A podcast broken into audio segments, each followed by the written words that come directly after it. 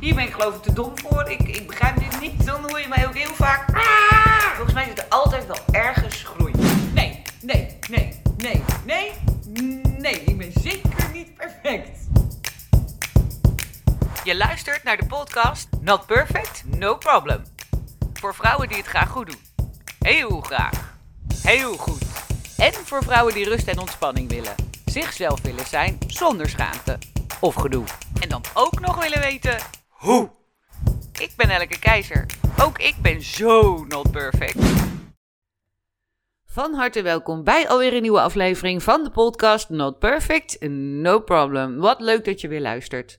Hey luister, van de week zat ik bij de kapper. En dat is een hele prettige bezigheid als je mij bent, want ik luister dan altijd naar de gesprekken om me heen. Er zijn altijd meerdere klanten, meerdere kapsters met mensen bezig. En dan hebben ze het over een hele toffe reis die ze hebben gemaakt naar Thailand of zo. En, en wat ze allemaal hebben gezien onderweg. Soms worden de recepten uitgewisseld. Er wordt ook gesproken over eventueel hoe is het nou met die vriendin waar het niet zo goed mee gaat. Dat zijn dan de minder leuke gesprekken.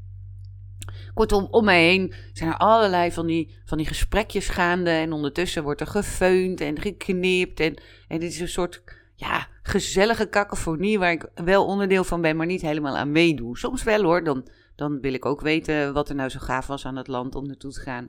Of dan wil ik ook, als iemand stelt dat het niet goed gaat met de vriendin, wil ik daar ook mijn medeleven in betuigen. Maar gemiddeld vind ik het heerlijk om me zo laten te verzorgen en te pamperen en te puppelen.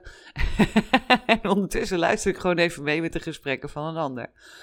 Maar deze keer hoorde ik een gesprek en, en ik dacht, ja, daar wil ik toch wel even graag met je over hebben. Want de kapster achter mij had een gesprek met haar cliënten. En die mevrouw op de stoel, die vertelde dat ze haar kinderen naar school stuurde als die ziek waren. Althans, als die kinderen zelf zeiden dat ze ziek waren.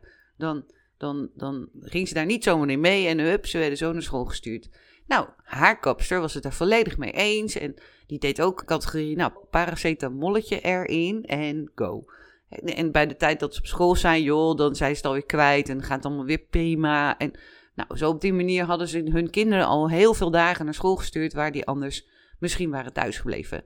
Helemaal top. Mijn eigen kapster deed nog een extra duit in het zakje, want die hoorde dat gesprek ook. En die begon te vertellen dat haar dochter van 16 op de bank had gezeten toen ze thuis kwam. En die was ineens in huilen uitgebarsten. Dikke snikken en volledig overstuur, want ze was die dag geschept door een auto. Ze was onderweg, onderweg naar haar werk bij een supermarkt. En de auto had haar niet gezien. Ze stak over en, en toen werd ze zo geschampschept door een auto. Kniestuk, bloed, broekstuk, blauwe plekken, van alles. En daar was de kind begrijpelijk heel overstuur van. Maar ze was wel naar de werk gegaan. En ze had gewoon gewerkt. En dat vond mijn kapster zo geweldig van haar dochter. Wat een doorzettingsvermogen dat kind wel niet had. En ja, een beetje hard zijn voor jezelf. Dat is helemaal prima. En ja, ze lijkt op mij. En ha, ha, ha, weet je wel zo. Ze was helemaal trots. En ik dacht, oh, ja, nou, eh, ja, ik, ik heb niet zo heel veel gezegd en dat is misschien een gemiste kans. En daarom doe ik het nu in deze podcast. Want ik dacht, chips, ben ik dan echt de enige die er zo anders over denkt? In mijn geval was het namelijk anders. Mijn kinderen zijn nu groot. Oh, groot. Ze vinden zichzelf heel groot. En tuurlijk, ze zijn officieel bij de wet volwassen. Maar in elk geval toen ze kleiner waren en, en nog op de lagere en later op de middelbare school zaten kregen ze van mij drie spijbeldagen per jaar. Dat, daar mochten ze overigens niet over praten, want ik had niet zo heel veel zin in een gesprekje met een meester, een mentor of een directeur. Maar ze zijn nu ruimschoots van school af, dus ik kan het nu wel vertellen. Maar ze kregen dus drie spijbeldagen per jaar. We hebben er in het begin ook zelfs nog briefjes voor gemaakt. 1, 2, 3, niet niks te ingewikkeld. En daarmee mochten zij zelf beslissen wanneer ze even niet naar school wilden. Wanneer hun systeem zei, ik heb er gewoon even geen zin in. Het zit er even niet in. Ik, ik voel me bleh. Ik voel me. Ik loop met mijn zieltje onder mijn arm. Ik, ik, ik, ik. Nou, het, het gaat gewoon even niet. Zonder dat ze concreet ziek waren. Dus geen koorts, geen hoofdpijn, geen buikpijn, geen griep, geen hoesten, geen al die dingen die je moet faken normaliter om van je moeder thuis te mogen blijven van school. Dat hoefden ze allemaal niet te doen. Ze hoefde alleen maar te zeggen: vandaag wil ik even niet naar school en ik lever mijn briefje in enige voorwaarde was dat ze hem niet mochten gebruiken om een toets te ontlopen. Dus je kon niet, zeg maar, als mijn kind, als, toen je mijn kind was, beslissen, oh ik leer niet of ik heb geen zin om te leren, dus dan sla ik die toets wel eventjes over. Want dat geeft gewoon veel te veel gedoe voor de juf. Dus dat was de enige voorwaarde. En verder, ja, je had er drie max. En meer, meer uh, kreeg je er niet. Het gevolg was dat mijn kinderen leerden om te luisteren naar hun eigen systeem. En daar ook de bijbehorende actie bij te nemen. Want luisteren naar je eigen systeem is nog niet zo heel erg moeilijk. Je weet vaak wel of het wel of niet goed met je gaat. Maar om daar vervolgens ook nog actie bij te ondernemen en bijvoorbeeld te zeggen: ik doe iets niet, of ik doe juist iets anders wel, dat kun je alleen maar leren door het ook te oefenen, door het zelf uit te proberen, door daar, door daar de ruimte in te hebben om er ook iets mee te doen. En als ik dan als hoogovermoeder ga lopen roepen: het gaat prima met je, of hier heb je een paracetamolletje en je gaat maar gewoon lekker naar school, dan leren zij dat dus niet. En ik vond het heel belangrijk dat ze dat wel zouden leren. Haha, dat was natuurlijk niet voor niks. Nee. het is natuurlijk altijd zo dat je het opvoeden van je kinderen heel erg baseert op je eigen ervaringen en op je eigen opvoeding. En dat was in dit geval ook zo. Ik, ik heb namelijk zelf mijn, mijn grenzen heel vaak verlegd. Eh, de grenzen van mijn systeem. Ik was degene die altijd riep: Dankzij de firma paracetamol houden wij het nog wel een dagje vol. En dat dagje kon ook een week zijn. En die week kon ook een maand zijn. En die maand, mwah, dat konden er ook wel drie maanden zijn. Totdat ik op een gegeven moment in een ontzettende crisis belandde nadat er een meneer bij mij was weggelopen. Zomaar opeens, ik zag dat niet aankomen. Ik dacht dat ik het allemaal hartstikke goed deed en heel, heel waardevol was voor hem en voor mijn gezin. Ik zorgde voor al onze kinderen. Ik, ik, ik, ik, hield het huis schoon, ik werkte fulltime. Ik, uh, ik vreed regelmatig met die meneer. En nog zei hij op een dag, sterker nog, op mijn verjaardag, ik ga. Nou, heel eerlijk gezegd, dat was gewoon echt een dieptepunt in mijn leven. Vooral omdat ik me op dat moment natuurlijk ook super moe voelde. Eh, gelukkig werd ik ook nog ziek, zal je altijd zien. nou ja, en dat het op mijn verjaardag was, was echt wel devastating. Het heeft jaren geduurd voordat ik mijn verjaardag weer leuk ben gaan vinden. Eh, of, of me er überhaupt op verheugde. Want heel lang is het zo geweest dat als mijn verjaardag in de buurt kwam, nou, dan kreeg ik al gewoon ja, een soort zenuwen, een soort onrust. En, en nou, kortom, zwaar getraumatiseerde Nel.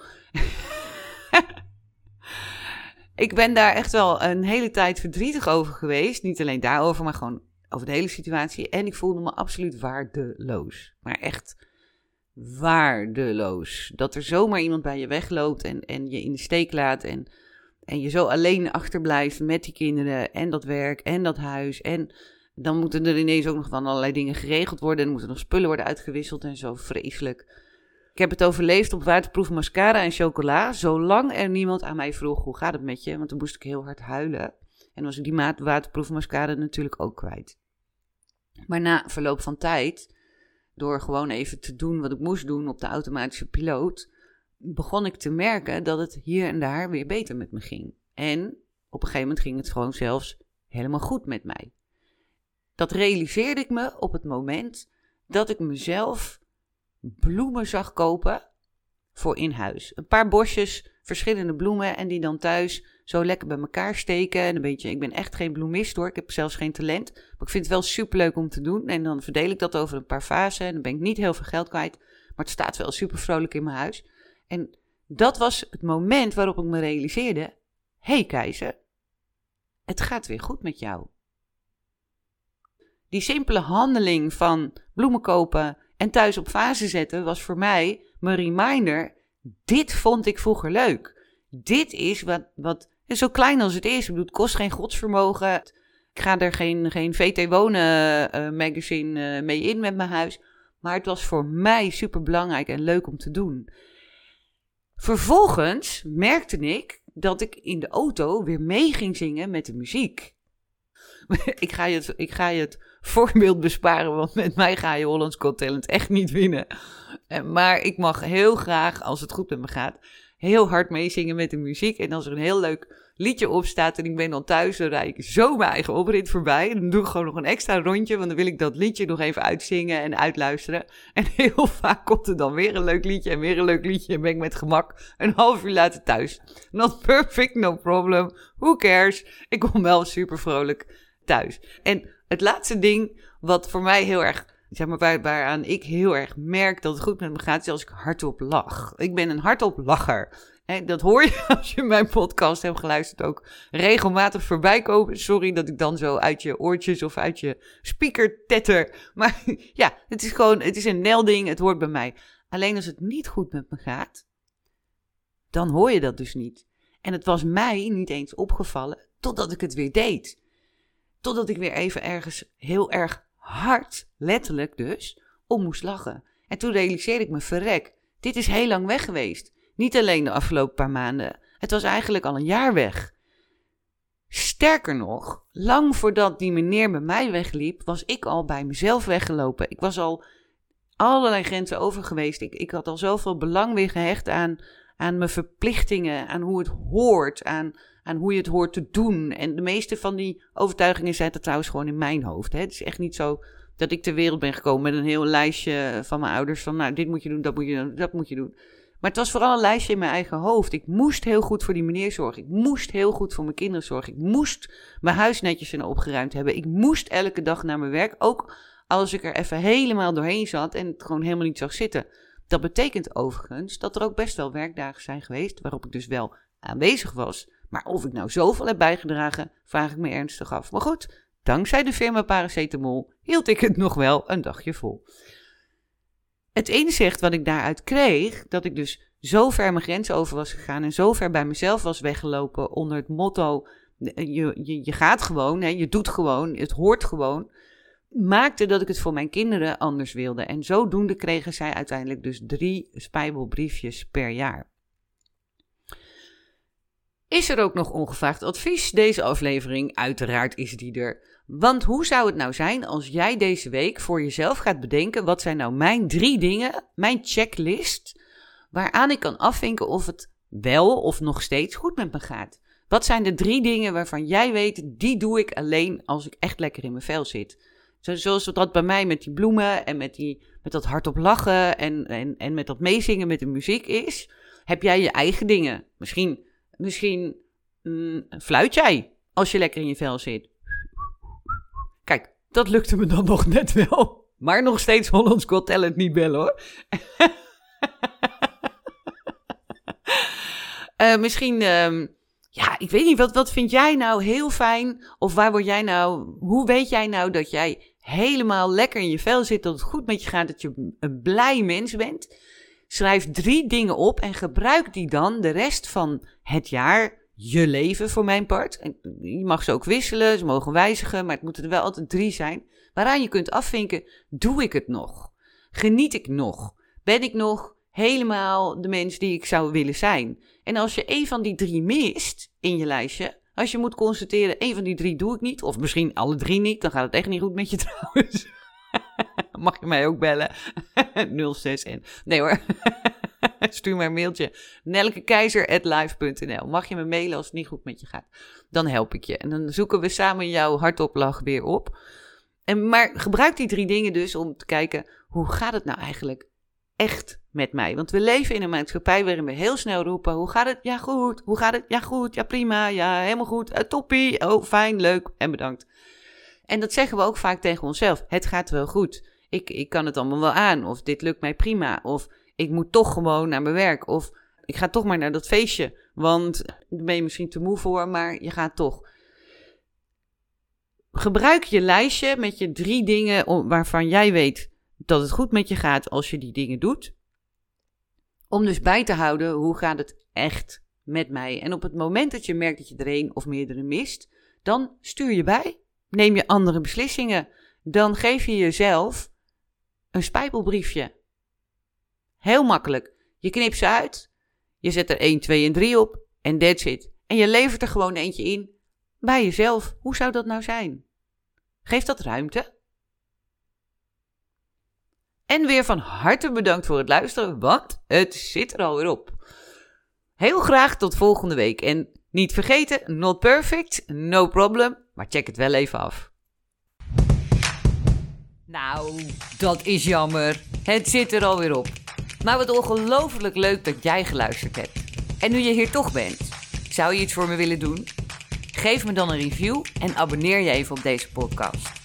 Op die manier krijg jij automatisch een seintje als er weer een nieuwe klaar staat. En ik krijg meer bereik. Dan kunnen steeds meer vrouwen wat relaxter worden en om zichzelf lachen. Want, not perfect, no problem. En ken jij er nou ook zo eentje die dat wel kan gebruiken? Deel deze podcast dan even. Dat kan je doen door een screenshot te maken en die op je social media te delen. Ben je helemaal hip? Of je klikt op de drie puntjes, dan op delen en spammen die handel. Is een weekje nou te lang en ben je bang dat je de vibe kwijtraakt? Volg me dan op Instagram voor meer inspiratie. Via Nelleke Not Perfect. Ik kijk naar je uit. En wil je me heel graag persoonlijk iets vertellen of een vraag stellen? Mail dan naar nelleke@notperfectnoproblem.nl. Ik geef je altijd antwoord. Ik ben Nelleke Keizer. Onwijs bedankt voor het luisteren en niet vergeten, not perfect, no problem.